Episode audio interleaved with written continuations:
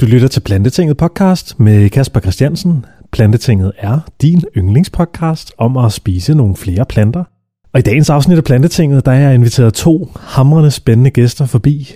Riverside.fm, som den platform altså hedder, hvor jeg optager de her podcasts her, fordi der er jo coronakrise, og øh, man må gøre et eller andet for at holde afstand, som øh, vores kære statsminister, hun øh, påbyder alle os lovlydige samfundsborgere, så det er jo det, vi gør. Og derfor så inviterede jeg de to bloggere og instagrammer, Christina Hoffmann og Sofies Choices, forbi øh, en lille online snak om deres nye kogebøger og deres aktiviteter som Instagrammer, blogger, influencer og hvad det ellers hedder. Så øh, hammerne spændende podcast, jeg er klar til dig, som jeg glæder mig til at vise dig. Og lige inden vi går i gang, så skal jeg selvfølgelig sige, at Plantetinget er en del af Dansk Vegetarisk Forening som er Danmarks bedste forening for plantespisere. Så se at melde dig ind og støt kampen om et grønnere Danmark. Ja, og jeg vil klippe over til den samtale, vi havde med Christina og Sofie. Og vi sidder jo online her på uh, det, der hedder riverside.fm og laver podcast. Og uh, det er Plantetinget, og jeg hedder Kasper Christiansen, og jeg har min husfilosof med. Natasha ja. Hej. Og, øh, og Plantetinget, det er jo en podcast, hvor vi sidder og snakker om plantebaseret kost og veganisme og alt det imellem. Og til det i dag, så har jeg fået øh, to mega seje, mega hårdt arbejdende kvinder med i podcasten i dag. Det er Sofie Birkelyng Larsen og Christina Hoffmann. Velkommen i Plantetinget til jer. Tak, tak skal du have. Og øh, ja, og så øh, tænkte jeg, at jeg lige kunne kaste bolden op en gang, og så er der jo nogen, der kan gribe den. Men i hvert fald, øh, tak fordi I vil være med. Jeg synes, det er mega fedt, at I lige vil sætte jeres øh, dyrebare tid af til at, at snakke lidt og, og fortælle vores lyttere lidt omkring jer selv og, og hvad I laver og de projekter, I har gang i. Der er nogle bøger, som vi også skal snakke om, som jeg glæder mig sindssygt meget til at høre mere om. Men, øh, men inden vi snakker om alt det, vil I så ikke lige ganske kort fortælle øh, folk, øh, hvem I er, og hvad jeres baggrund er, og hvor I kommer fra og sådan noget? Start du, Sofie. Det kan jeg godt. Jamen, øh, ja, hvem er jeg? Jeg, øh, jeg er nok mere kendt under navnet Sophie's Choices, øh, den her blog, øh, og Instagram med, med glutenfri og vegansk mad. Øh, så er jeg uddannet kostvejleder, øh, og så læser jeg til klinisk diætist, DPT, og er færdig til, til januar. Så det var sådan... Øh, meget kort om mig, hvem jeg er. Jamen, øhm, jeg hedder Christina Hoffmann, og jeg har, er uddannet social- og sundhedsassistent. Jeg er lige gået på barsel på grund af corona times, så jeg er lige gået fra en måned før. Øhm, og arbejder også som øh, plantebaseret kostvejleder. Øhm, det er det, jeg laver lige nu. Det har jeg fokus på, fordi jeg er gået på barsel før tid. Nu er jeg gået all in på at være selvstændig igen. Mm. Og I er jo begge to blogger og instagrammer af Guds nåde, er det sandt? Ja, jeg er ikke blogger mere. Jeg har jeg faktisk slettet min blog. Min øh, hjemmeside er fuldstændig øh, plantebaseret kostvejledning nu. Så det, øh, den er fjernet, øh, og det alt kører faktisk over Instagram nu. Øh, hvad jeg lige har at, at sige, hvis det ikke er om kost. Ja, i stedet for. Mm. Mm. Og hvad med dig, Sofie? Du, øh, du kører også øh, både Instagram og blogstilen? Jeg kører, jeg kører begge ting, så øh, ja, mest, øh, mest Instagram lige nu. Øh, men, men jeg har jo min, min platform, hvor folk kan gå ind og, og finde opskrifter og sådan noget. Det har jeg stadigvæk. Og hvor længe er det, I hver især har gjort det der? Uff. Altså sådan, de sidder plantebaseret sådan, i forhold til fokus på det. Det er sådan hvad, 4-5 år. 5 øh, år vil jeg sige, sådan, på platform på Instagram, og så min blog, ikke, som altså lige er lukket ned. Ja. Ja, altså jeg, øh, jeg blev veganer for, for fem og et halvt år siden, og startede kort tid efter, så også en, en fem års tid.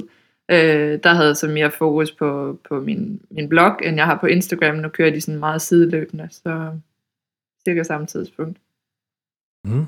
Og, øh, og nu har I jo begge to, og det var også lidt det, som jeg tænkte, vi, vi skulle snakke om i dag. Altså, I har jo begge to... Øh, jeg ved, Christina, du udkom med en bog sidste måned, ja. som hedder Spis plantebaseret som er en øh, livsstilsbog ja. om øh, plantebaseret kost og ernæring. Ja. Og, øh, og så har du, Sofie, du har en bog klar snart, som hedder Mit glutenfri plantekøkken, mm. som også kommer lige om lidt. Ja, den kommer så... her den 25. Så... Og øh, ja, altså, som jeg fortalte jer, inden vi gik i gang, altså, jeg synes, det kunne være sindssygt spændende sådan at høre, hvad jeres sådan, refleksioner er omkring det at skulle skrive en, en, en bog om mad, og, og ligesom øh, formidle plantebaseret kost, og altså, man kan sige også på en eller anden måde i forhold til alt det arbejde, I har lavet indtil nu, ikke? det er jo på en eller anden måde blevet kondenseret lidt i de bøger her, og og det er jo hårdt, altså det er jo hårdt arbejde at skrive en bog. Kan I ikke øh, prøve at, at fortælle mig og Natasha og lytterne lidt om, hvad, hvordan har det været at skrive en bog, og hvorfor er det, man lige vælger at skrive sådan en? Altså, jeg vil sige, at det sidste halve år, det har været helt vanvittigt. Øhm, samtidig med at blive gravid, og det hele tog lidt fart. Øhm, Simon og mig, min kæreste, vi var i gang med at skrive en e-bog, øhm, hvor der lige pludselig var et forlag, der kontaktede mig, øhm, hvorfor jeg ville skrive en e-bog, hvorfor jeg ikke ville udgive en kogebog eller en livsstilsbog. Og det var jo selvfølgelig helt uh, hugt på, fordi det var det, jeg gerne ville, men havde egentlig ikke tænkt, at det kunne komme så bredt ud. Øhm, og det vigtigste for mig med den her bog, det var, øh, at det skulle være noget omkring mikronæringsstoffer og makronæringsstoffer, noget fordeling af nogle kulhydrater, noget fedt og hvilestofskifte, så man fik hele paletten øhm, i min bog. At det ikke bare, hvis man kan sige det sådan, øh, var opskrifter, selvom det er også vanvittigt hårdt at lave de opskrifter. Øhm, at man fik en hel viden i min bog. At man ikke skulle have to forskellige øhm, og supplere op med hinanden. Men øh, det har været et, altså det har været så hårdt. Altså jeg troede aldrig, det skulle være så vildt. Øh, man skal ikke gøre det for et halvt år. Det var, det var, det var, det tror jeg også, Sofie kan skrive under på. Vi var heldigvis hinanden under det her, men jeg var også gravid, øh, og havde rigtig meget øh, kvalme og alt muligt. Måtte tage nogle uger fra, og, og alt sådan noget. Øh, man kan sige, at min viden den havde jeg jo, men den skulle ned på papir, og den skulle skrives ordentligt, og folk skulle kunne forstå det, fordi det kan gå hurtigt være tung læsning og hårdt stof, hvis, hvis man ikke ved så meget om øh, ernæring. Øhm, så det er sådan lidt rejsen derhen, men det er mega fedt. Altså det er, at stå med det til sidst, det var sådan, det, det er lidt vildt, når man får bogen i hånden. Det, så kommer alt arbejdet øh, op i en, ikke? Så, bliver man sådan, så giver det hele mening, selvom det har været nogle vilde måneder. ja. Det er sådan lidt, ja. Jamen, jeg har det jo på samme måde, som, som Christina fint fortæller, at øh, jeg tror aldrig nogensinde, at jeg nogensinde kommer til at skrive en kogebog på et halvt år igen. Øh, jeg havde en måned mere end Christina, men øh, det var af nogle personlige årsager. Men, øh, men, men selv på den kort tid, det er, det er en meget presset proces. Så, øh, så et års tid, det havde været mere realistisk, tror jeg, vi begge to kan skrive under på. Mm. Øh, men, øh, men jeg skrev den jo, øh, lidt ligesom Christina siger, at der skulle være et fokus, det skulle der også for mig. Øh, jeg har jo det her med, at jeg både har det glutenfri og det veganske, og, øh, og der er mange, der kombinerer, men der er også mange, der kun for eksempel lever glutenfrit eller kun vegansk, og de kan også bruge den. Øh, men det her med, at man lige pludselig tager æg og mælk og sådan noget ud af bagværk, der så gør det her bagværk sådan meget tørt og sådan noget. Altså, alle de her begynderfejl, jeg selv havde i forhold til at starte med, med glutenfri livsstil og altså, at det, det skulle være en, det, der skulle ikke være forskel på, om man lavede et brød øh, på hvedemel eller på bogvedemel fra min, øh, min side af. Så, så jeg har også haft rigtig høje krav til de her opskrifter. Øhm, så så det, det gjorde det bare endnu hårdere, at man kun havde øh, de der 6-7 måneder. Det, mm. men, øh, men ja, som Christina siger, altså, når man har afleveret, og man så der er jo den her lange proces med korrektur frem og tilbage, og ret, og nej, det skal ikke være det billede, det skal være det billede, og sådan noget. Øh, når man så endelig afleverer, og man får at vide, nu går den i trykken, så føler man sådan, wow, det, det, det er en fed følelse. Øh, så, så det er jo ikke fordi, at jeg er afvist over for at lave en, en, en kogebog nummer to eller noget, men, øh, men tidsperspektivet øh, skal i hvert fald være anderledes. Mm. Og øh, altså nu, øh, nu er det måske også lidt drillende spørgsmål, ikke? men altså, der, er så, øh, der er jo så sindssygt mange kogebøger derude. Ikke? Mm. Altså øh, man kan sige, at hylderne i boghandlerne, de buner jo med alskens kogebøger nu. Ikke? Og altså, hvorfor, hvorfor er det, at man lige vælger at skrive en kogebog, og hvorfor er det, I tænker, det er vigtigt at, at skrive kogebøger om, om, om plantebaseret kost og, ja, og plantemad? Er der, er der ikke nok bøger Nej, til det? det synes jeg ikke. øhm, jeg har rigtig mange bøger selv. Og det var også derfor, det var vigtigt for mig, at mit fokus var et sted, hvor jeg ved, at jeg har viden og noget viden, jeg kan give videre. Og jeg ved, at folk øhm, mangler svar på nogle ting, især inden for den plantebaserede kost. Vi ved jo alle sammen, at det plantebaseret, at det vokser, og det bliver større og større. Og med den, så vil der også opnå flere spørgsmål. Og derfor var det vigtigt for mig, at, at der kom nogle af de spørgsmål i min bog. Øhm, og det vil jeg gerne have skulle på hylderne. Altså det skal, det skal være det skal være inspirerende at leve vegansk plantebaseret, og man skal bare kunne se, at det, det er bare mega fedt og mega lækkert. Øhm, og derfor synes jeg, at jeg synes ikke, vi kan få bøger nok øh, at få, og jeg elsker bøger med et fokus på noget, om det er glutenfrit, om det er næring, eller hvad det kan være, så synes jeg, det er fedt, at man kan fordybe sig ned i noget. Øhm, ja, så det var sådan, det er fedt, der kommer flere, flere grønne bøger. Jamen, jeg er helt enig. Altså, jeg selv øh, sidder lige og kigger over på min egen bogreol. Altså, jeg, jeg har så mange kogebøger, du ikke drømmer om det, og jeg har sådan et, jamen, jeg kan heller ikke få nok af det. Og det der med, at man kan tage en bog med ud i køkkenet, altså, i stedet for, så står man med en telefon eller en iPad og fedter rundt, og, og det er jo ikke fordi, man skal tale en, altså, jeg taler ikke mit eget arbejde ned på bloggen, men det der med, at man kan åbne en kogebog og øh, se de her billeder, og sådan, nej, og nu har jeg lyst til det, og, og tage det frem og sætte postet i, og alt muligt, hvad folk ellers bruger. Altså, der er bare en eller anden fed følelse i at have en kogebog i hånden, og det lyder det måske sådan lidt, men, men jeg elsker kogebøger, og det er lige meget, det er, altså, jeg støtter mine, mine med kogebogsforfattere, så det... og øh, I har begge to udgivet på det forlag, der hedder Forlaget Sara. Mm. Er det, er det sådan helt tilfældigt, at I to lige er kommet ind der og har skrevet en kogebog på samme tid, på samme forlag? Altså, vores øh, kære redaktør, hun tog fat i os begge to, så... og der er jo nok et eller andet... Øh, vi gør jo et eller andet godt. begge to øh, har fået et øjeblik for os begge to lige at kunne se, ikke? Øhm, og mega fedt forlag, egentlig. Mm. Jeg kendte ikke til det før. Jeg havde rigtig meget research på det, og havde skulle lave noget research på, for at finde ud af, hvad er det her for et forlag. Øhm, der er begyndt at lave de nyt, de begyndte at lave kogebøger. Øhm, så det var også mega fedt, at man havde det der sammen, at nu skal vi prøve det her, og nu skal det ud, øhm, og vise, at vi kan godt lave de her bøger. Øhm, så øh, jeg har kun positivt at sige om det forlag. Det var, mm. det var en fed rejse hele vejen igennem. Øh, ja. Jamen, det, Men hvad? Altså, det, søde mennesker, der, der er ansat, og en sød redaktør, altså vores redaktør Rikke der, hun er altså støttende og hjælpsom, og alle de her ting, så, så ja, det var da nyt, at, at der skulle kogebøger fra, fra deres side af, men ja, det, nu håber vi, at de kan bruge vores kogebøger. og hvad så, så kommer de ud i alle øh, boghandlere også og sådan noget? Eller ja, hvordan? det er stadig ikke så, og nu sælger vores bøger, kan man sige, til, øh, til butikker og hjemmesider og også sådan internt i forhold til, øh, hvis der er nogle firmaer, der gerne vil købe noget, eller ja, webshops og sådan noget, ikke? Øhm, og sælger jo nogle af vores opskrifter til øh, blade og sådan noget. For eksempel ud at se har nogle af mine opskrifter øh, i januar. Ja, det er vildt stort. Øhm, jeg har haft veganske opskrifter før. Så det er sådan noget, hun sidder og kæmper for, at øh, vores opskrifter kommer bredere ud, at, end det bare er en bog, ikke? Mm. Ja. Men det er også der, hvor det gode ved at have det her med, at man har et forlag i ryggen, at der ligesom er dem, der mm. også laver det arbejde. Hvis nu du selv skulle, skulle publicere, altså så, så ville du selv skulle stå for alt det der, og så ville du måske ikke komme så, så langt ud, som, som Rikke for eksempel har formået, og med os begge to. Så, ja. Lad mig, lad mig spørge lidt om processen, altså alt det der med sådan at skrive en kogebog.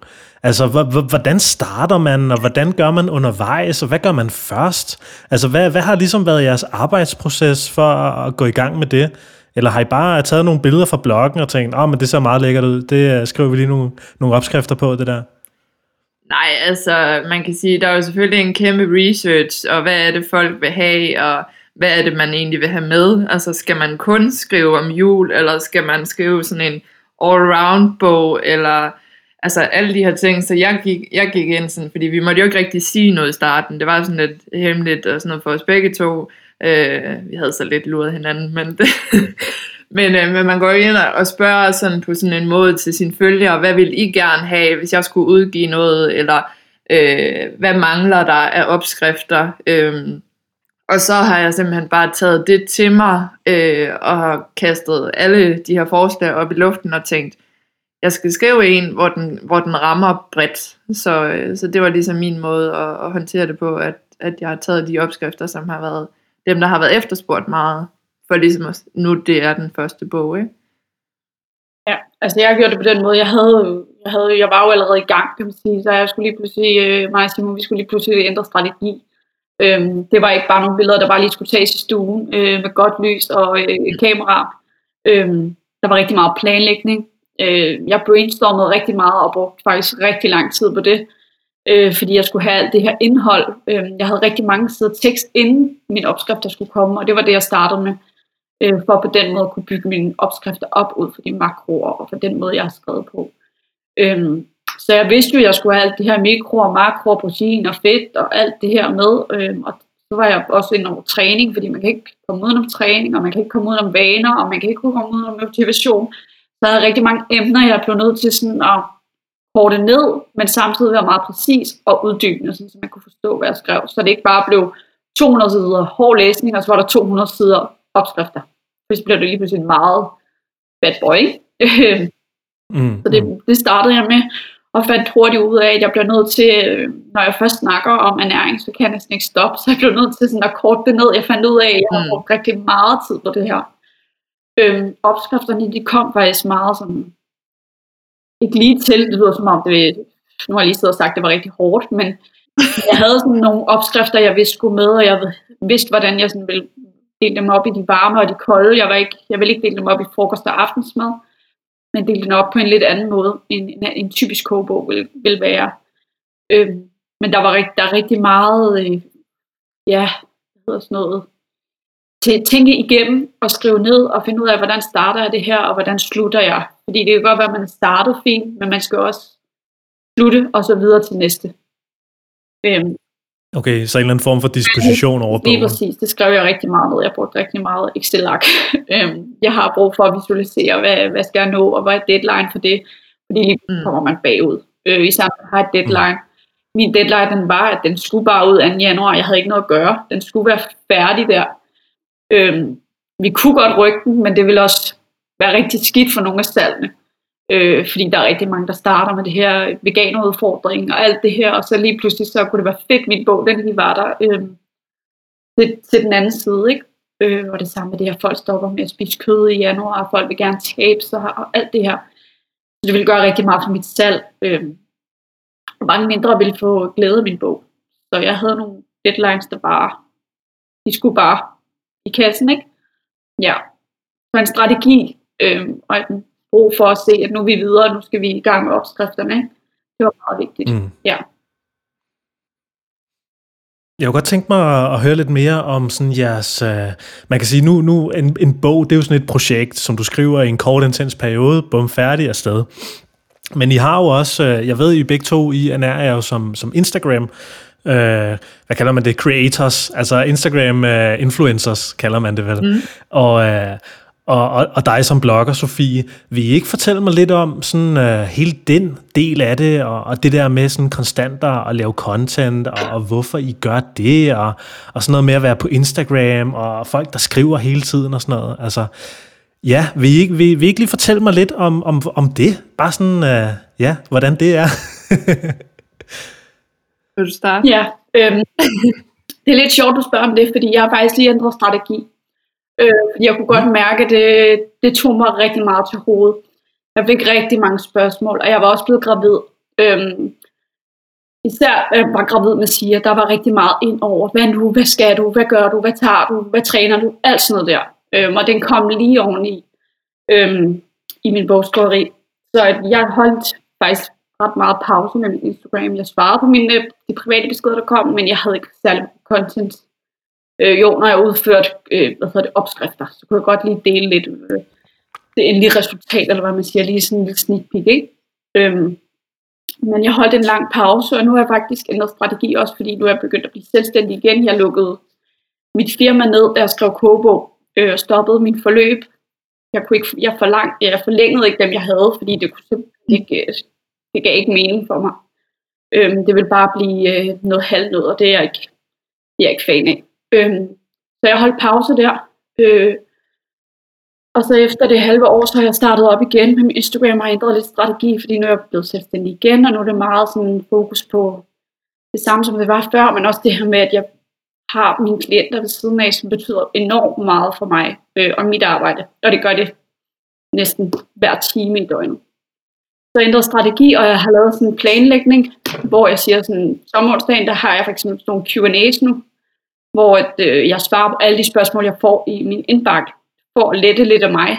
Fordi jeg kunne godt modtage mange forskellige spørgsmål. Hvad synes du, jeg skal indtage kalorier? Hvor meget fedt skal jeg have? Og hvor mange proteiner? Og sådan noget. Nu har jeg sådan hver onsdag, der kan folk stille mig det spørgsmål, og så må de skrive dem der, for at jeg sådan hele tiden alle, der er mange, der har samme spørgsmål, og så vi får en eller anden platform på en eller anden måde, øhm, hvor, hvor de også kan få mere læring og viden den vej. Og det har lettet rigtig meget i forhold til ikke hele tiden at komme bagud, eller i forhold til, og, og forhold til at inspirere noget mere til at leve plantebaseret. Ikke? Så på den måde har jeg ændret lidt strategi i forhold til, at folk får svar på det, de gerne vil have. Ja. Ja, altså jeg tror også, at øh, i den her skriveproces, der, der er det klart, så kan man jo ikke være lige så meget på, som man gerne, eller man plejer at være. Øh, så jeg havde gjort det, at, øh, at jeg ligesom sådan havde lavet nogle ops, altså sådan, så havde nogle forskellige opslag og sådan noget, jeg kunne dele løbende, sådan at der stadigvæk var noget aktivitet inde på min Instagram, så det ikke bare var sådan et, nu tager jeg et halvt år væk, og så, så, så kommer jeg tilbage. Så jeg sådan prøvede at holde det lidt ved lige, øh, og så herefter så har været, altså igen har også delt lidt løbende, ligesom Christina siger, så når her det er resultatet, og hvad gør jeg her, og nu har jeg fået det her med i min bog, og sådan noget, hvor at nu er der mere tid til, at kan være den der Instagram, man var før, men måske sådan lidt mere fokus på, selvfølgelig har du en bog, du også skal promovere lidt, øh, men du har jo stadigvæk også dine opskrifter, eller som Christina siger, forløb og træningsresultater og sådan noget, så man, man ligesom kan, kan dele det, øh, så der hele tiden bliver delt lidt i hvert fald. Øh, jeg ved da også, at øh, nu skal jeg i praktik som klinisk diætist. Det kommer da også til at tage en væsentlig del af min tid. Så, øh, så det der med sådan forud at have, have nogle opslag, man kan, man kan dele, det er, sådan, det er nok den bedste guide til, hvordan man kan dele noget hele tiden, som også er interessant, og så inddrage ens følgere. Det er ligesom en Q&A. Ja, fordi jeg tænker bare, altså, jeg tror, jeg personligt, hvis jeg, hvis jeg kører et Instagram på den klinge, som, som I gør det, altså, Uh, det, det må da også være stressende. Mm. Altså, er det, ikke, er det ikke stressende konstant at skulle uh, finde på nye ting, og konstant skulle være til stede for de mennesker, som måske på en eller anden måde gerne vil have noget af en, ikke? Og ja. der er også nogle virksomheder, der også gerne vil have noget af en, ikke? Og du ved, der er jo meget, enormt mange, altså man skal jo være en blæksprutte på en eller anden ja. måde, ikke? Det Men der er jo også mange, der ser det her med at være influencer som som noget altså sådan hobbybaseret, og man ikke sådan som et arbejde. Altså Christina og jeg ser det som et arbejde, fordi det tager så lang tid, som det gør. Øh, om man så tjener penge på et opslag eller ej, det er, egentlig, det er jo ikke det, det sådan skal handle om. Men det der med, at, at det man lægger tid i, det er ikke bare at tage et billede, eller det er ikke bare at lave en opskrift, eller det er ikke bare at lave en... Altså, øh, vi bruger afsindig meget tid på det. Det tror jeg, der er mange, der tager lidt for givet, øh, at man ligesom sådan, ja, ah, du kan bare lige poste det her, hvis jeg sender nogle produkter, eller et eller andet. Og det er ikke fordi, det skal lyde sådan, men, men de, man kan godt nogle gange blive mødt i hvert fald, det, når, hvis man sådan siger, når man får løn for det, at blive mødt med sådan en, nej, du skal bare dele et billede. Jamen, jeg bruger også tid på det. Det er jo også mit arbejde. Altså, så, det handler så der meget planlægning også, ikke? Altså, jeg mm. mærker sådan, at mine følgere, de har jo skiftet rigtig meget. Øh, fra da jeg startede til at stille op i bikini fitness, det var en form for følgere, og så blev jeg mor og gravid. Hvad er det for noget?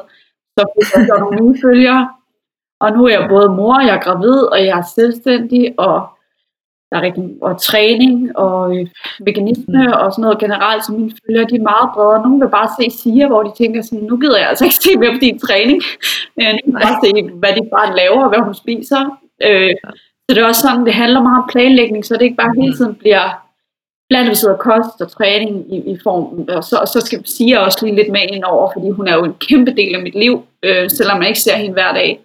Øhm, så det handler sådan om planlægning, altså mm. planlægge ens post, hvis, hvis, hvis det er det, man vil, og gider bruge sin tid på det, og inspirere, så det, så er det den vej, man skal gå, øh, for ikke at blive stresset i sidste ende. Øh, ikke sidder klokken syv og tænker, hvad skal jeg lige dele? Jeg finder lidt gamle billeder og skriver lige noget hurtigt tekst. Ikke? Ja, det er ikke fordi, det er forkert at gøre sådan, det er ikke det, jeg mener, men jeg mener bare, hvis man vil leve af det, eller mm. på sigt tjene penge den vej, eller hvad det er, så, så skal der planlægning til. Mm. Men der er også lidt det der med, at, at folk de tager det lidt for givet. Altså, mm. ah, men det er jo bare lige... Nej, det er det ikke, fordi man sidder netop og planlægger, og hvad skal man poste i morgen, og så videre. Øh, så det, ja, og det er bare det, det ligesom et arbejde. På sådan en opskrift, den er måske prøvet 40 gange, uden at lyve, ikke? For den sidder lige i skabet, for den har den bedste konsistens og den bedste smag. Øhm, så det kan godt være, at det er et billede og en opskrift, men det er altså en, der er udviklet øh, gennem mange dage, måske måneder. Jeg havde en opskrift, jeg, jeg prøvede flere måneder, den skulle bare lykkes, den skulle, skulle igennem. Øhm, så det er bare sådan, det, der er rigtig meget planlægning igennem, og, og man har prøvet måske rigtig mange gange, før det lykkes, ikke? Mm. Mm. Ja. Sindssygt. Det, øh, det lyder rimelig sindssygt. Jeg kommer også til at tænke på sådan med, du ved, privatliv og sådan noget, og hvad, hvad, hvad, hvad vil man give ud af sig selv, ikke? Og hvad vil man holde sig for sig selv og sådan noget, og hvad, hvad rager egentlig ens følgere, og hvad rager dem ikke? Altså, hvordan, øh, hvordan navigerer I ligesom i det? Fordi jeg kan også forstå, det virker i hvert fald på mig som om, og det er også noget, jeg har snakket med nogle af de andre gæster i podcasten om, at det er som om, jo mere sådan af sit indre man giver, til folk på, på Instagram eller de andre platforme, jo mere får man faktisk også igen, ikke? Mm. Så, men på, på et eller andet sted, så må der jo også, altså for nogle er der selvfølgelig ikke, men for nogle er der måske også en grænse, ikke? Så altså, hvor, hvor går den grænse for jer, sådan, hvad, hvad I vil dele ud af, og hvad I ikke vil dele ud af?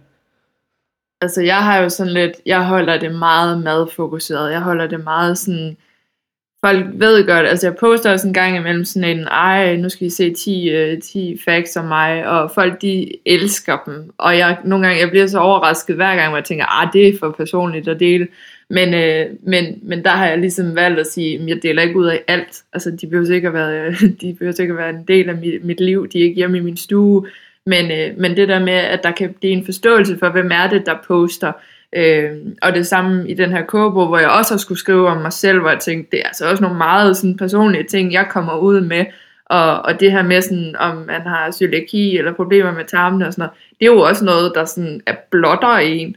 Øh, og der har jeg da også skulle finde en hårfin grænse for, hvordan jeg skulle kunne fortælle det, uden at sådan hive dem med ud på toilettet nærmest, ikke? Så, øh, så jo, man blotter sig selv i en vis omfang. Altså, jeg har jo ikke, øh, jeg har jo ikke børn øh, som Christina, men barn og kommende børn. Men, øh, men det her med, at, at jeg stadigvæk sådan, når det her, det er mig. Øh, så, så jo, jeg tror da også, at, at det vil jeg da også blive ved med, men, øh, men der er, også, der er også noget, hvor jeg, det behøves folk ikke at, at snage i. Altså, jeg er meget udadvendt. Øh, jeg fortæller mange ting. øh, men jeg kan godt mærke, da jeg fik Sia så mig, så havde jeg brug for, at Simon kom lidt på banen, hvor hans grænser øh, ikke. Jeg har også grænser, men jeg tror, de er lidt længere end hans, øh, for jeg ikke overskrevet nogen af hans, eller vores barn kom, kom dengang kommende barn. Mm. Øhm, og jeg kan mærke, at Sia er blevet ældre nu. Hun har sin mening. Hun ved, hvornår hun vil filme, og hvornår hun ikke vil, og det accepterer jeg 100%. Hun siger til mig, øh, jeg synes jo, det er mega hyggeligt, hvis vi laver boller eller et eller andet, at jeg lige filmer os, fordi jeg synes, hun er så mega sød, når vi står der. Øhm, så var hun bare sådan, nej, så slukker jeg selvfølgelig. Øhm, jeg hører, hvad hun siger, øhm, og har selvfølgelig også noget kun til os. Det er ikke alt, der kommer ud. Øhm, men, men jeg synes, jeg er meget sådan klar i mine, øh, i mine grænser på min Instagram. Sådan, jeg skriver også i min bog omkring min konkurrence, for eksempel at min menstruation den udblev op til konkurrencen. Det var også blot sig for nogen, men for mig er det bare at vise, det, det er helt almindeligt, og det sker. Øh, du mm. skal så langt ned fedtprocent, så, så bliver din cyklus helt åndssvag.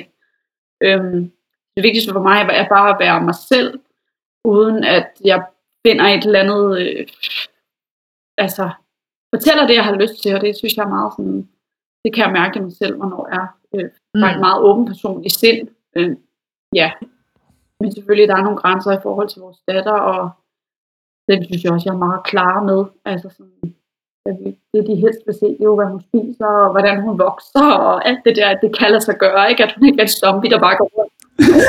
så mange tror, ikke? Øhm, så ja, jeg synes, det er sådan, man skal bare mærke efter, føles det forkert, så lad være. Mm. Prøv igen om en uge, hvis du lige pludselig tænker, nej, det kunne jeg godt til overveje, mærke efter, og så udskyde det. Øh, jamen, Mm. man kan ikke trække det tilbage, når det først er derude. Øh, Nej. Så det, hvad så med sådan noget som øh, perfektionisme og sådan noget? Det der med, at man hele tiden vil lave perfekte opslag, eller perfekte stories, eller perfekte blogposts, ikke? Altså, hvordan, hvordan håndterer I det? Fordi det er jo også, altså det tror jeg er en af de ting, der særligt kan gøre det hårdt, ikke? Og, og særligt kan gøre, at man kan sidde og måske bruge for meget tid på noget, som måske i sidste ende ikke betyder det helt store, når man så er færdig med det, ikke? Men, men, men hvordan går I ligesom til det? altså, jeg vil sige, sådan, min stories, det, det er meget... Øh, jeg prøver stories på den måde, at jeg viser det her nu. Jeg tager ikke en story om otte gange, øh, hvis jeg skal filme, så er, det, så er det bare her nu. Hvor et billede, der måske er lagt op, der er måske brugt lidt mere tid på det. Øh, så jeg får faktisk lidt af det hele. Selvfølgelig en opskrift, den bruger jeg rigtig meget tid på at sidde og øh, nørde med, fordi jeg synes, det er fedt, at man kan vise, hvad krydderurter eller amaranth, eller hvad det kan være, lige kan gøres. Ikke?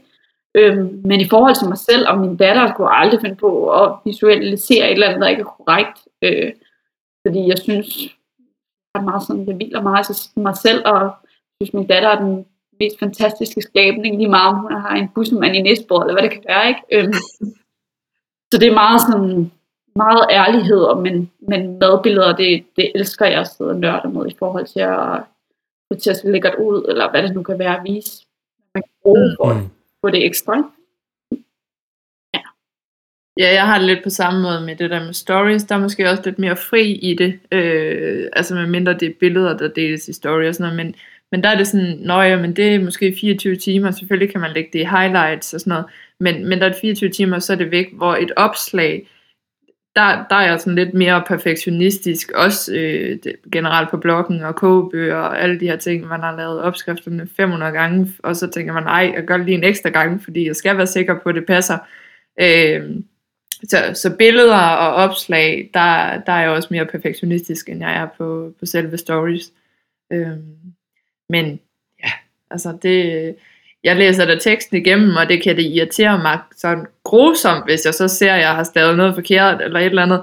Men så har jeg ligesom begyndt at sige, nu lader jeg det være, fordi jeg skal ikke begynde at ændre i det. Øh, så nu lader jeg det være, og så må folk tage, tage mig med, at jeg altså ikke er 100% perfekt, heller ikke øh, grammatisk mm. eller noget. Nej, nej. Fedt. Og øh, man kan sige, nu, øh, nu jeg ved, Christina, du, øh, du er jo kostvejleder, og laver sådan nogle øh, kostforløb for folk og sådan noget. Hvor, hvor lang tid siden er det, du har gjort det? Altså, jeg var startet. Ja, hvor, hvornår startede du? Hvor længe har du Tre, gjort det? tre år siden, tror jeg. Siden gik Ja, jeg sådan okay. all in, ikke? Jeg havde viden inden, og så, så tænkte jeg, jeg det af. Øh, fordi jeg føler, jeg har Mhm. viden nok. Øh, jeg vejleder kun i vegansk kost, blandt andet kost. Øh, fordi der jeg har min erfaring. Øh, der er nogen, der er meget mere dygtige, hvis de gerne vil have noget oksekød, så skal de hellere end gerne gøre det, men det er ikke mig, der skal råde den vej. Øhm, og det har jeg faktisk gjort lige fra starten af. Øh, lige så snart jeg startede, så var det kun det, jeg vejledte i, fordi det er der min viden og min kærlighed til mad er. Øhm, ja, det, jeg regner med tre år, tre år siden, der gik jeg sådan all in, ikke? Øhm, samtidig med, at jeg havde mit arbejde ved siden af, øhm, inden jeg startede op. Ja. Og, og, og dig, Sofie, du er jo ved at blive klinisk diætist, kan jeg forstå. Øh, men er du så kostvejleder også ved siden af, eller hvordan øh, med det? Nej, altså jeg er uddannet kostvejleder tilbage i sådan noget 2012 eller sådan noget, så, så jeg har jo egentlig haft den. Jeg har bare ikke øh, sådan gjort, øh, gjort brug af den på samme, fordi så har jeg haft fuldtidsarbejde, og jeg synes ikke lige, at jeg sådan, øh, havde, havde tid til det. Øhm, men, men jeg bliver uddannet klinisk diætist her om et års tid, øh, så der, øh, der er man jo i realiteten jo også en form for kostvejleder i det. Så, så jeg har bare sådan den her autorisation, øh, som man ikke har som Mm. kostvejleder. Men hvad er det for nogle sådan, udfordringer, folk kommer med, når de gerne vil have, have vejledning til, hvordan de skal spise? Det er meget bredt. Altså, jeg har faktisk ikke med i min bog, fordi at, øh, jeg tænkte øh, i slutningen af min nye kogebog, fordi jeg tænkte, øh, det var meget øh, samme spørgsmål, jeg får. Og nogle gange er det også nogle spørgsmål, som jeg ikke selv har tænkt over. Øh, det er meget, altså meget klassisk. Det har jeg også hørt, hvor får jeg mit protein fra? Hvad med Mm. kold? Det er alt for unaturligt. Hvad med D-vitamin? Øh, Hvad, hvordan jeres koly- hvad med, hvis jeg ikke har lyst til kulhydrater? I spiser alt for mange kulhydrater. Alle de der spørgsmål, ikke? Øhm, det er meget de samme, men altså, jeg gør en dyd ud af at formulere, og hver gang der kommer en ny og spørger mig, så fortæller jeg det meget gerne en gang til. Mm. Øhm, fordi vi skal have de her myter væk, øhm, der er så mange af. Og det får vi kun ved at informere og vejlede folk. Mm. Hvad er det for nogle myter, I ser derude? Jamen protein, hvor får du din Ja. øhm, kan du øge din muskelmasse? Øh, hvordan kommer jeg ned i fedtprocent, hvis jeg spiser alt for mange kulhydrater? Hvad, ja, hvad med beton? Men også bare det her med, sådan, at kulhydrater skulle være farligt, og at sukker farligt. at- Altså, der, der findes jo rigtig mange. Øh, er jeg selv skyldig, jeg er blevet syg, og hvad så, øh, hvorfor har jeg fået, øh, altså, kan jeg gøre noget for min kolesterol, kan jeg gøre noget for min altså, hjertekar, altså, der, der er mange, mange myter. Jeg synes, det er rigtig meget sådan noget med jern og calcium og betol og alle de der øh, D-vitamin, øh, alle de der øh, vitaminer. Ikke? Øh, det er meget det, folk er bange for, fordi skal jeg så gå til lægen hver tredje, sjette måned for at få målt det, og hvad, hvad, hvad hvis jeg pludselig bliver syg? Er det fordi på grund af det? Øh, Mm. Så der, det er meget sådan nogle myter, synes jeg, jeg har oplevet i hvert fald, i forhold til, at jeg skal vejlede folk. Og nu er jeg begyndt at give dem nogle grafer, hvor jeg viser, hvis du spiser, nu er en kostplan meget firkantet, men hvis vi går efter det, så viser, hvis du spiser det her, prøv at se, hvor meget calcium du får, se, hvor meget jern du får.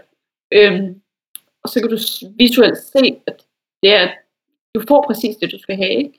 Øhm, Mm. Folk har også nogle gange brug for at se det der, at, tallene bliver udfyldt, eller hvad man siger, ikke? Øhm, Mm. I forhold til, at man bare snakker og vejleder på den måde, ikke? Men jeg tror også, det der med sammensætning generelt af kosten, altså når du lever vegansk, det er sådan lidt, kan man blive mæt? Øh, altså, og hvad så? Jamen, hvad skal jeg spise i stedet for? Hvad så, hvis jeg ikke kan lide kikærter? Nå, er der så andre alternativer? Eller, altså, der findes jo så meget, også det her med, sådan, skal vi spise erstatningsprodukter, eller skal vi spise mere sådan, Ja. øh, altså, ja, så det, altså, hvad hedder sådan noget, whole-based, hvad hedder sådan noget, hvad hedder, ej, Whole food, Ja, plant-based? tak. Tak. der var lige væk der. Altså, der, der er rigtig mange, øh, mange spørgsmål der, og især nu her, nu er der jo kommet en ny kostråd, og, og vi skal spise mere planterigt, og alle de her ting. Jamen, hvordan gør jeg så det? Og, ah, men jeg er jo også, og de kan ikke lide grøntsager herhjemme, og du, du, hvad gør jeg så? Så der er mange ting, hvor man sådan kan, kan vejlede, men også som Christina siger, vise dem noget, altså illustrere noget. For folk elsker at få noget i hænderne, folk elsker at se noget visuelt, så det, Også bare det her med, at man stopper med kød, ikke? Øh, man skal tænke på en helt anden måde, det der med, plejer at spise kylling til det her, skal jeg så bare spise en uh, dåse kikærter? Altså sådan, man skal jo sammensætte sin kost på en helt anden måde, og man skal tænke Mm. ud af boksen, tænke på en anden måde, i stedet for at gå over og tage kød som det første.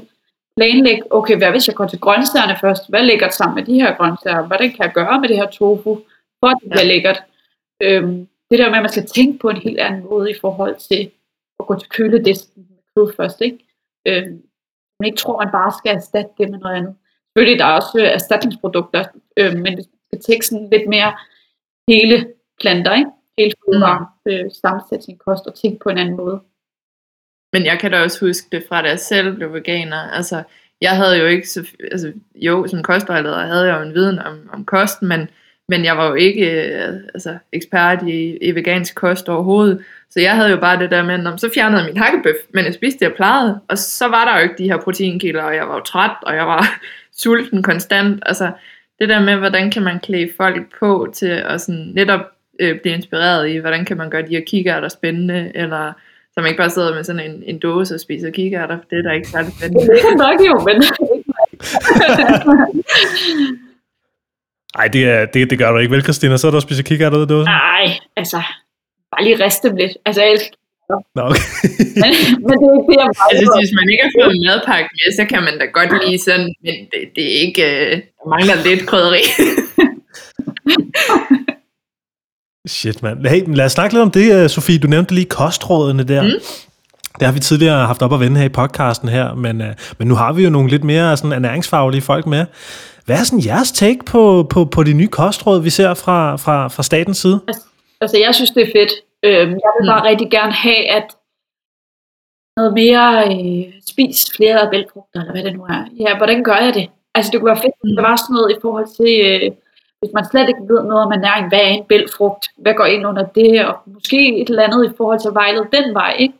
Øhm, især dem, der bare, bare siger jeg bare, øhm, vi spiser klimavenligt, ikke? Øhm, igen skal jeg bare købe en dåse kikærter, hvad med det ved der i? Altså det er sådan, det var fedt, hvis der kom nogle opskrifter eller noget inspiration, hvordan gør jeg det her? Øhm, så det er fint, der er råd og, øh, på den måde, men jeg synes, der mangler lidt, hvordan gør vi det? Hvordan kommer vi derhen? Ikke? Det kunne være... Øh, mm.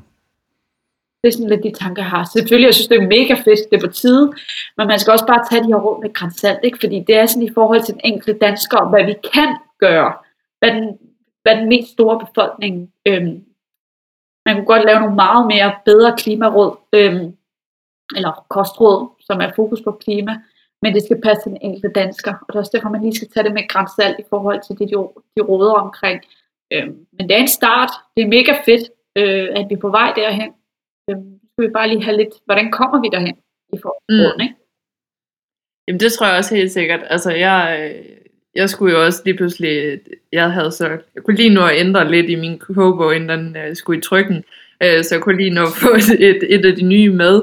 Uh, men, men det her, som Christina siger, at ja, der står, der er også opskrifter vedhæftet de her, hvis du går ind på, på Sundhedsstyrelsen og ser klimarådene eller kostrådene, men, men det er mere sådan det der med, så er der jo stadigvæk sådan, lad os sige æg eller et eller andet i. Der er lige, jeg tror, der var en dal-opskrift uden. Øh, og, men igen, altså hvordan kan man, kan man riste de her kikærter med noget kaj og, på en pande eller i ovnen, og så bruge dem som sådan lidt øh, crumble i sin salat, eller hvad kan man gøre, som, der gør det lidt nemmere, så man ikke kun skal spise dal, og der er ikke noget galt med dal, det smager virkelig lækkert, men, men der mangler måske lidt mere, hvor der er sådan mere bælfrugter, og sådan, mm. måske lidt mere vegansk i, øh, i de nye øh, opskrifter, der i hvert fald er der til. Ja, men jeg tænker også, altså nu læser du jo, øh, Sofie, ernæring og sundhed mm. med fokus, specialfokus på klinisk diætist.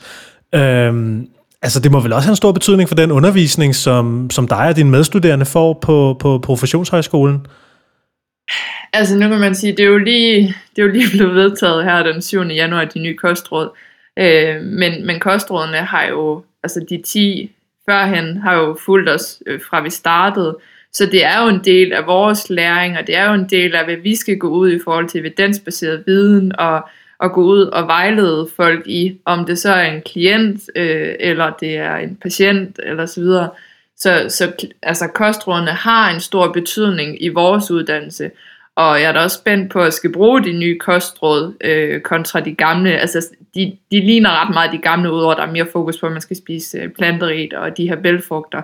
Øh, så, så det, det kommer jo til. Vi kan jo ikke komme udenom den, i hvert fald på vores uddannelse, at, øh, at det er en del af vores måde at undervise folk på, at vi, vi inddrager dem her. Mm. Fedt. Fedt at, jeres, at høre jeres uh, refleksioner omkring det. Jeg kommer også til at tænke på, at nu så har vi snakket om, om Instagram før og sådan noget, ikke? og perfektionisme, og hvordan man ligesom uh, privatliv og sådan noget. Ikke? Altså, jeg tror også en ting, uh, som, som blandt andet er blandt det, når man er sådan en lidt mere offentlig person online, I guess, mm. det er vel sådan noget som, uh, som haters og sådan noget. er, det, er det også noget, I har?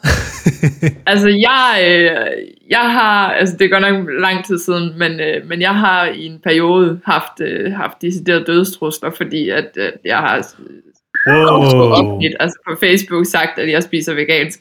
Så, så der er jo altid sådan nogle bag skærmen, jeg tror ikke, man kan komme udenom.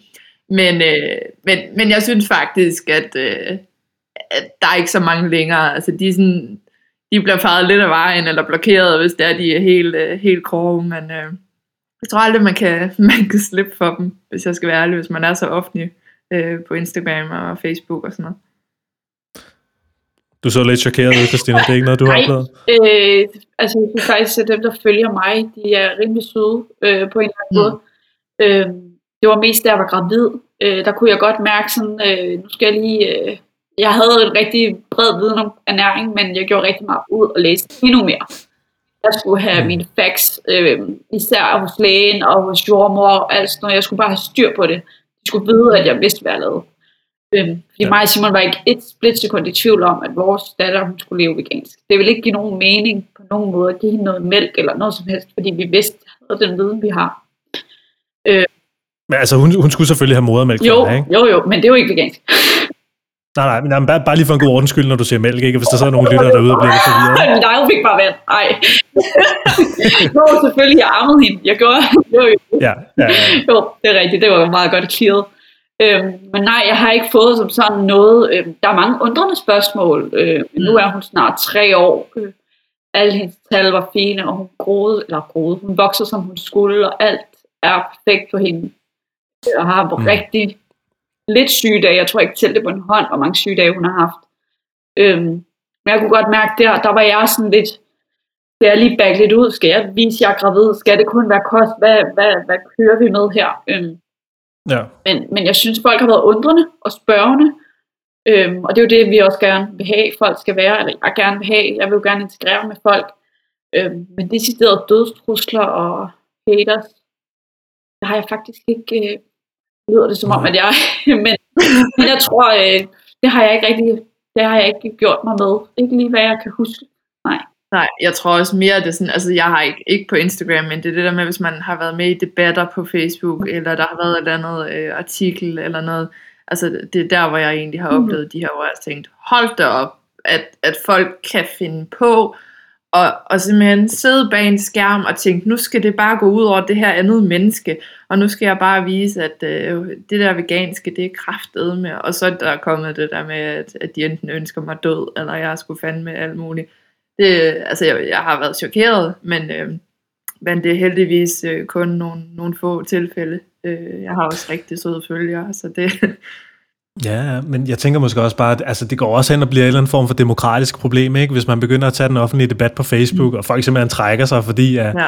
at man får ubehagelige trusler. Ikke? Altså, jeg har også personligt, jeg har fuldstændig trukket mm. mig fra, fra alt, hvad der hedder Facebook-debatter, ja. og det har jeg været, har trukket mig fra i meget, meget lang tid. Men, øh, og, og jeg tror, der er rigtig mange, der har det på samme måde som mig, og tænker, det der, det, det spiller jeg ikke tiden på. Det er sådan et, øh, et pøbelvæld, der kører lige nu på de sociale medier, når, når vigtige ting skal debatteres. Ikke?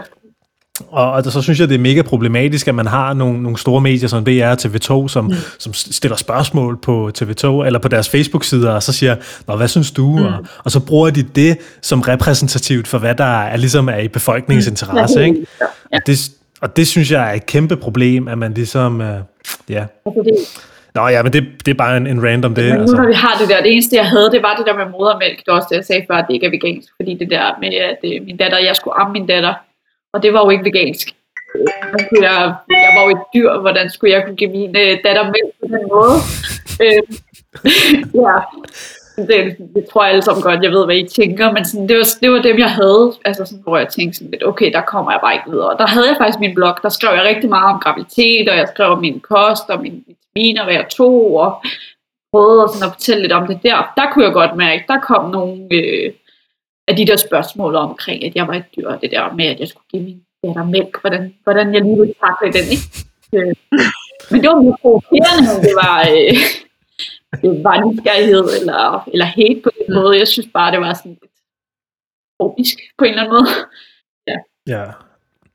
Men altså, det er jo også, nu har vi også tidligere snakket i nogle andre afsnit af Plantetinget om det at være vegansk mor, ja. og, og du ved, og det er jo i forvejen hammerne stressende, kunne jeg næsten forestille mig, at, at være mor til et lille barn, ikke? og, og have, have den form for ansvar, og så samtidig også, når samfundet omkring en ligesom, ja, begynder at smide sådan en pres på en, ikke? gør du nu det rigtige, og har du nu styr på det, ikke? og man sidder der som mor og tænker, nej, det kan da godt være, at jeg ikke har styr på så meget, men altså, ja, men, det er ligesom... Altså, hvad er jo ikke en pind, man, man har fået så meget, øh, hvad hedder sådan noget, forundersøgelse som jordmor og sådan noget, så når babyen kommer, nu kan du sgu godt selv, ikke? Øh, hvad, hvad skal jeg? Det er nu, jeg har brug for råd. Det er nu, jeg har brug for, hvad, hvad, hvad, hvor jeg skal, hvordan skal babyen have tøj på nu? Alt det der mærkelige spørgsmål, der kommer frem, ikke? Øhm, ja. Så helt korrekt det der med, at alt er nyt, og så skal man lige pludselig også få at vide, at man ved ikke rigtigt, hvad man har gang i. Og nu har de hørt om en, der har fået icebergsalat og broccoli øh, 60 om tre år i hele deres liv, øh, om jeg var sikker på, jeg vidste, hvad jeg, hvad jeg lavede. Ikke? Det var faktisk lige den tid, hvor der kom hende der, jeg tror det var hende på USA, der havde givet givet sin datter broccoli og iceberg. Øhm, og det var faktisk på TV2, hvor øh, der var en, der taggede mig, hvor jeg var sådan lidt, altså min datter, hun er fem måneder, hun kan ikke engang spise endnu. jeg kan ikke en iceberg-salat eller broccoli, ikke? Øhm, men der var rigtig meget igennem det der debatter med, at, øh, at hvad hedder det, sundhedsplejersker ikke må vej, vejlede i vegansk kost, fordi de har ikke den viden, de har, altså de har ikke viden til det. Ja. Mm. Mm. Men, og, og det får mig faktisk lidt til at tænke på, på dig, Sofie, fordi du, øh, du skal jo til at bevæge dig ind i en verden som, som klinisk diætist og sådan noget. Ja. Altså, øh, nu skal jeg ikke sidde her og, og, og lege karrierevejleder eller noget, men er det noget, du sådan har tænkt over, sådan, hvad, hvad for en retning du skal tage det i? Om det skal være med småbørn, eller om det skal være med syge, øh, hospitalsliggende mennesker, eller hvordan, hvordan gør man det? Altså, Hvad har du tænkt? øh, Det kan jo godt være, at det ændrer sig efter, at jeg har været ude i praktik. Nu skal jeg hele 6. semester skal vi i praktik. Øhm, men jeg kommer ud til nogle forskellige patientgrupper, altså alt fra børn til, til onkologisk afdeling, altså kraftsyge og sådan noget. Så, så jeg tror at først det der sådan finder ud af, hvad det er for et, et interessefelt, jeg egentlig skal ind på, fordi jeg synes jo selvfølgelig sådan noget børneernæring er spændende. Øh, jeg tror at det kunne være endnu mere spændende, hvis man selv øh, var mor, og at man sådan kunne, kunne sætte sig ind i det. Men, øh, men jeg tror, at som det ser ud nu, er jeg meget åben over for det. Øh, at det bare er, er voksne. Altså voksne er nemmere og nær, og det lyder lidt forkert, men, men i forhold til at beregne og sådan noget, er der nogle andre tabeller, end, øh, end hvis du har med børn at gøre. Men, øh, men, men jeg er åben. Altså det, jeg bliver kastet for løverne i næste uge, og så må jeg se, hvad, hvad, der, hvad der bliver. Det bliver sgu da spændende. Mm. Det var helt vildt spændende. Fedt. Ja. Ja. ja. Jamen, jeg glæder mig også helt vildt. Altså det her med, at, at nu, bliver vi, nu skal vi ud i hospitalsverdenen, så må jeg jo se, om, om det, det er der, jeg sådan skal have min fremtidige karriere, eller jeg skal være selvstændig, eller hvad der skal ske. Det, det må jeg se. Jeg er i hvert fald åben over for, for begge muligheder. Det er da meget fedt, at det er, en, øh, det er jo lidt en drøm, der er ved at gå i opfyldelse mm. For dig, ikke? Jo, jo, men også det her med, at der har været den her kamp, at man ligesom skal til sådan en optag til samtale for at kunne komme ind, og der er 10, der bliver valgt per semester og sådan noget. Så det har jo været en kamp og et ønske fra starten af, da jeg startede på studiet, at det var det, jeg ville. Øh, og så er der jo de her 10, der bliver optaget, øh, og ud af måske 20-25, der har været til samtale. Så, øh, så det der med, at, at brækkerne faldt på plads, og jeg fik den plads, som var egentlig grunden til at jeg søgte ind på uddannelsen, det var jo helt vildt stort. Men, øh, men nu glæder jeg mig i hvert fald til at få det prøvet af, så jeg ligesom kan komme ud og dele min viden med, med, med danskerne ude på hospitalerne. Ja, og med, en, øh, med et godt uh, certifikat i ryggen også, det er jo også vigtigt. Helt sikkert. Natasha, du, uh, du sidder og er lidt stille, men uh, har du noget, du sidder og, og tænker, at du vil spørge de, uh, de to kvære, Sofie og Christina om? Ja, altså, jeg er lidt stille, for jeg ved ikke, om I kan høre det på min stemme. Jeg er lidt småsyg. Det er ikke corona, men det er en halsbetændelse. Øhm, men jeg kunne egentlig godt tænke mig at spørge Sofie om, om du ikke vil fortælle lidt mere om det her med det glutenfri, fordi jeg synes, Jo det er tit sådan noget, der bliver snakket om som, som værende godt. Altså, man skal spise mindre gluten. Det, det tror jeg, som godt vi kan forstå, kan være godt. Men jeg, jeg ved ikke, hvorfor det kan være godt, og det tænker jeg ikke, at jeg er alene om. Kan du fortælle lidt mere om det? Altså først og fremmest, så vil jeg jo ligesom gå ind og sige, at øh, hvis ikke man har cøliaki eller har problemer med tarmene, så kan man jo sagtens fortsætte med at spise øh, hvede og sådan noget. Det skal, ikke, det skal ikke lyde det, for der er også nogle udfordringer, hvis du spiser glutenfrit, øh, Øh, i forhold til, at du ikke får den, altid får de her fuldkorn og sådan noget, der er godt for vores tarme. Men, øh, men har du problemer med din tarme, eller har du den, altså enten er gluten sensitiv, eller har den her, øh, der kaldes glutenintolerance eller cøliaki, så er der bare nogle ting, så, så kan du ikke spise det. Altså så kan din, din tarme, de kan ikke øh, optage til, altså din næring tilstrækkeligt. Så, øh, så hvis, man, hvis man lider af det, så skal man holde sig fra det. Altså det, det, det du vil ødelægge din tarm mere, hvis det er, at du spiser gluten, og du har cøliaki. Men, øh, men der er ikke sådan en decideret, altså man kan, man kan tænke over, om man spiser, hvis nu man tænker, er gluten farligt? Nej, det er det ikke. Øh, men man kan gå ind og argumentere for, at man kan spise fuldkorn i stedet for øh, ikke fuldkorn. Så det kan være, det kan være gavnligt for tarmene. Men der er ikke sådan, at, at gluten skulle være farlig, hvis man ikke har cøliaki. Okay. Jeg synes bare, det er sådan en ting, jeg generelt har hørt, at det, det er godt, hvis man kan spise lidt mindre gluten. Ja, men jeg tror også, det er også den her, hvordan befolkningen får det omtalt og får det videredelt, og det er igen de her myter. Altså, der er ikke, det er ikke skadeligt at spise øh, altså hvedebrød, øh, hvis man ikke har, har cøliaki. Men, men man kan jo så argumentere for det her igen med fuldkorn, at det er godt for vores tarm, så Mm. man måske skal vælge fuldkornsvarianten i stedet for den ikke fuldkornsvariant. Så, øh, så ja, altså det, der er ikke sådan, at det skulle være, der skulle være farligt at spise, spise gluten. Selvfølgelig alt med måde, som jeg også plejer at sige, det, spiser du kun øh, toastbrød hele dagen, så, så kan det godt være, at vi skal have nogle flere grøntsager ind i, ind i billedet, men, øh, men det, er ikke, mm. det er ikke farligt i hvert fald.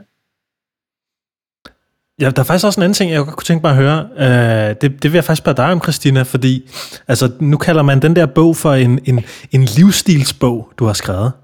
Kan du, kan du ikke sige lidt mere om det? En livsstilsbog, altså hvad er det? Hvorfor er det ikke bare en kogebog? Det er netop, fordi jeg skriver om vaner, og jeg skriver om livsstilsændring. Det med, at man gerne vil ændre noget, og hvorfor vil man gerne ændre det. For eksempel, hvis man spiser mælk. Nu vil man gerne droppe mælkeprodukter. Hvordan gør jeg det? Gør det lidt til en livsstil, fordi du skal tænke på en anden måde. I forhold til den måde, det mål, du gerne vil over at opnå. Om det så er altså, drop kød, drop æg, drop mælk, fordi du er laktoseintolerant, hvad det nu kan være. Så er det en livsstilsændring, Øhm, også det der med, det siger jeg også rigtig meget til mine klienter, at det kan godt være, en kostplan det er meget firkantet. Øhm, men det der med, at det skal være en ændring hele vejen igennem, også når du stopper efter et halvt år med mig, eller hvad det nu kan være med din egen rejse, du ændrer den. Så det ikke bare bliver et eller andet kortvejt. Øh, får rigtig meget donk oven i hovedet, hver gang jeg nævner kur. Øh, sådan noget med øh, keto som er rigtig meget oppe, øh, drop kulhydrater, alt sådan noget der. Og det, det er netop fordi, det, hvis du ikke kan se dig selv i det, øh, jeg kan ikke se mig selv droppe kulhydrater. Jeg vidste ikke, hvad jeg skulle, ved ikke, hvad jeg skulle gøre uden kulhydrater. Øh, men det der med, at man skal ændre det hele vejen, så om det er, at du skal tabe dig, om du vil træne noget mere, løbe et maraton, hvad det du kan være, gerne kunne holde det. Altså, du skal synes, det er fedt, hvis du vil gerne løbe. Så hvis du synes, det er fedt at løbe, Bliv ved med at løbe. Ikke bare efter du har lavet et maraton eller halvmaraton, eller hvad det kan være. Det skal være en ændring, fordi du har lyst til det. Fordi det giver dig et eller andet på en eller anden måde. Ikke? Øhm, og det er også derfor, jeg ikke bare vil lave en kort kogebog med nogle makronæringsstoffer, fordi så kan jeg følge den her, og så taber jeg 500 gram om måneden. Nej, man skal lige vide viden omkring det, øhm, og hvorfor er det, jeg gerne vil gøre det, ikke? og hvad er det, der skal der til mm. for at ændre de vaner. Men jeg, jeg tænker måske for de lytter, der sidder derude og ikke har set bogen og sådan noget, er der ikke sådan nogle uh, pro-tips til, til sådan noget vaneændring? Jo, og sådan noget? der er sådan helt uh, i forhold til motivation og vaner og livsstil, uh, hvilke faser man går igennem, og hvor, hvor, hvordan man kommer for, hvis vi bare siger, at det er et mål, man gerne vil nå, hvilke delmål man kan lave, hvordan man på en eller anden måde kan, kan sige til sig selv, nu snakker jeg igen om, om vægttab, det kunne være alle mulige ting, men sådan noget, hvis nu har jeg tabt 10 kilo. Det var mega fedt. Hvordan kan jeg lige belønne mig selv, uden at det skal være, at jeg går ned og køber et halvt kilo slik. Øh, men det der med at belønne på en anden måde. Ikke? Øh, jo, der er sådan en helt guide til, hvordan man, hvordan man kommer over på den anden side, og hvordan man sådan, det vigtigste er jo bare, at man har det godt i sig selv, om man så vejer 80 kilo, eller om man vejer 60 kilo, det er egentlig underordnet. Det vigtigste er, at man har energi, og man synes, det er fedt at være den, man er. Ikke? Ja. Mm. Men hvad med din bog, Sofie? Er det, sådan en, øh, er det også en livsstilsbog? Altså lidt ligesom Christina siger, altså det, det er jo, at man tager et valg, om man vælger at leve vegansk, eller man vælger øh, altså enten af sygdom, eller man bare vælger at spise glutenfrit, så er det jo også en livsstil. Altså det er jo, det er jo en ændring i den her livsstil. Så, så man kan godt sige, at det, det er også en livsstilsændringsbog, øhm, fordi at du ligesom tager det her valg om for eksempel at leve vegansk og glutenfrit. Så, så det er jo også noget, der ikke bare er en måned, og så er vi, så er vi tilbage til, til vanerne igen. Men øh, så, så ja, det kan du godt sige. Øh, der er ikke decideret sådan det her med motivation og, og sådan noget. Der er øh, et kapitel om mikronæringsstoffer, og der er sådan et kapitel om, hvad cøliaki er, og hvordan det deles op, og jeg har fået sådan et øh, kapitel om e-nummer, både i forhold til, altså, til gluten, men også i forhold til veganske produkter. Hvad er det for nogle e-numre, man skal være opmærksom på? Fordi der er mange, der er sådan lidt, åh, oh, ej, jeg holder ikke lige styr på E-numrene og sådan noget, og så, ja, det synes jeg skulle være, var vigtigt at få med, fordi det var også en del af den her livsstilsændring, hvis du skal spise vegansk, øh, at du så undgår de her e-numre for eksempel. Hvad, hvad er det for nogle skjulte nogen, der er ude i, i vores fødevare? Vigtig viden. Venner, vi har også snart siddet og snakket en hel time. Det ved jeg. Det er fedt. Øh, ja, ja, det kunne vi, og, øh, men, og det synes jeg også, vi skal lidt endnu. Men øh, jeg sidder også og tænker på, om, om, om I sidder og brænder ind med noget, om der er et eller andet, I sådan virkelig sådan mangler at sige, inden vi øh, egentlig lukker ned for dagens podcastprogram, hvis der er noget, I gerne vil sige til lytterne, eller et eller andet. Jeg synes bare, at man skal vide, at planter er inspirerende, og man skal, øh, man skal sgu bare åbne øjnene op, og, og så lige prøve nogle opskrifter af, købe vores bøger, se hvor fedt det er, se hvor lækkert det er. Og hvis man ikke har lyst til at købe dem, bare gå ned, når det her lockdown er overstået. Gå ned og bladre i dem og se vores øh, billeder, og se, øh, flotte de er. Jeg er i hvert fald meget, meget stolt over min bog, øhm, og for næsten tårjøjen af bare at snakke om den. Så mm. jeg ønsker bare, at folk skal være sådan lidt mere åben. Øhm, få noget mere vegansk mad, det smager bare virkelig godt. Ja. Jamen, jeg er, jo, jeg er jo helt enig med Christina. Øh, og det er jo også det, jeg skriver i, i min kogebog, at uanset om man, man er veganer i forvejen, eller man lever øh, med cøliaki eller ej, så, så er bogen ligesom med til at inspirere, og det er Christinas også. Jeg har selv hendes bog, og den er jo super lækker at bladre i. Øhm, og jeg glæder mig meget til min kommer, så man ligesom, altså, man kan aldrig få for mange kogebøger, lad os sige det sådan, ikke? Altså det, det der med, at man kan blive inspireret, så kan det godt være, at den ene dag, der har man lyst til at bladre i Christinas kogebog, og næste dag, så er det min, og den tredje dag, så er det Thomas Eriks, eller hvem det nu kan være, ikke? Altså det der med, at man kan få en inspirerende hverdag, og det var også det her med at spise varieret og spise planterigt, altså køb en masse kogebøger, læs dem, bladre i dem, som Christina siger, og så, øh, så følg os på Instagram også, altså det, uh. vi deler jo hele tiden noget. ja, og kan vi, kan vi ikke lige få dem? Altså, vi skal lige have jeres Instagram og hjemmesider og navne på jeres bøger og alle de andre steder, man kan finde jer hen. Jamen, øh, altså min Instagram hedder Sophie's Choices, og det gør min blog også, så det, det er så nemt der. Og, øh, og min, øh, min kogebog hedder øh, Mit glutenfri plantekøkken. Øh, der står ikke Sophie's Choices på, der står Sofie Birkeland Larsen. Jamen, øh, jeg er meget øh, lige til Christina Hoffmann, hedder jeg på Instagram. Mit øh, efternavn, det er nok det, folk faktisk mest kender, fordi jeg bruger mest bare Hoffmann. Øh, og min hjemmeside, den er jo egentlig mest til, hvis man ønsker noget, øh, noget sparring eller noget, fordi min blog er lukket ned. Øh, fordi jeg er gået all in på det her. Øh, så hedder min øh, bog Spis plantebaseret, din succesfulde kostomlægning. Så det er sådan, ja, de platforme vi har. Fedt. Og vi lægger naturligvis nogle, øh, en masse links til dagens podcast. Så venner, med mindre I uh, har en, en sidste ting, så vil jeg lige så stille uh, stoppe uh, dagens optagelse. Og så synes jeg lige, må jeg sige en ting? Ja, endelig. Man skal gøre nogle flere podcasts, fordi jeg synes faktisk, uh, yes. ja det synes jeg faktisk, fordi at, uh, jeg har faktisk ikke gjort det så meget sidste halve år, men uh, jeg hører faktisk meget din nu, Kasper, efter sådan, at jeg går ture og sådan noget, været til det, og jeg synes, det er en fed måde uh, at få viden på, og bare sådan blive inspireret mm. omkring hele det her. Det behøver ikke kun være mad, det kan være alle mulige ting. Øh, det synes jeg sådan, det er fedt, der er kommet den mulighed, og det, ja, nu skal jeg ikke sidde og lyde, som om jeg skal sidde og pusse her, men jeg synes faktisk, du fortjener det lidt, ja. Jeg Jamen helt enig. Men også bare det der med, som, som vi også snakkede om tidligere, det her med, at man, man føler lidt, at man gerne vil have noget af de her influencers, og øh, om det er atleter, eller det er øh, øh blogger, eller hvad det er. Og det synes jeg lidt, man får i det. Øh, så så det, ja, folk de kan, de kan få en lille snært af, hvem, hvem vi er, og hvem alle de andre er. Sådan lidt personligt. Der er så meget podcast lige nu, fordi der er så mange, der går hjem, og der er rigtig mange mm. uger, ikke? Så, så for at høre alt muligt musik og alt sådan noget. Det er også fedt, når man træner. Men øh, når man går lange ture, så er det fedt at få sådan noget inspiration. Helt sikkert. Eller bare gøre rent. Ja, også, ja, også det. Ikke kun når man går tur. ja. Fedt. Jamen, øh, og tak for rosen. Mm. Det der er altid lækkert at få lidt ros.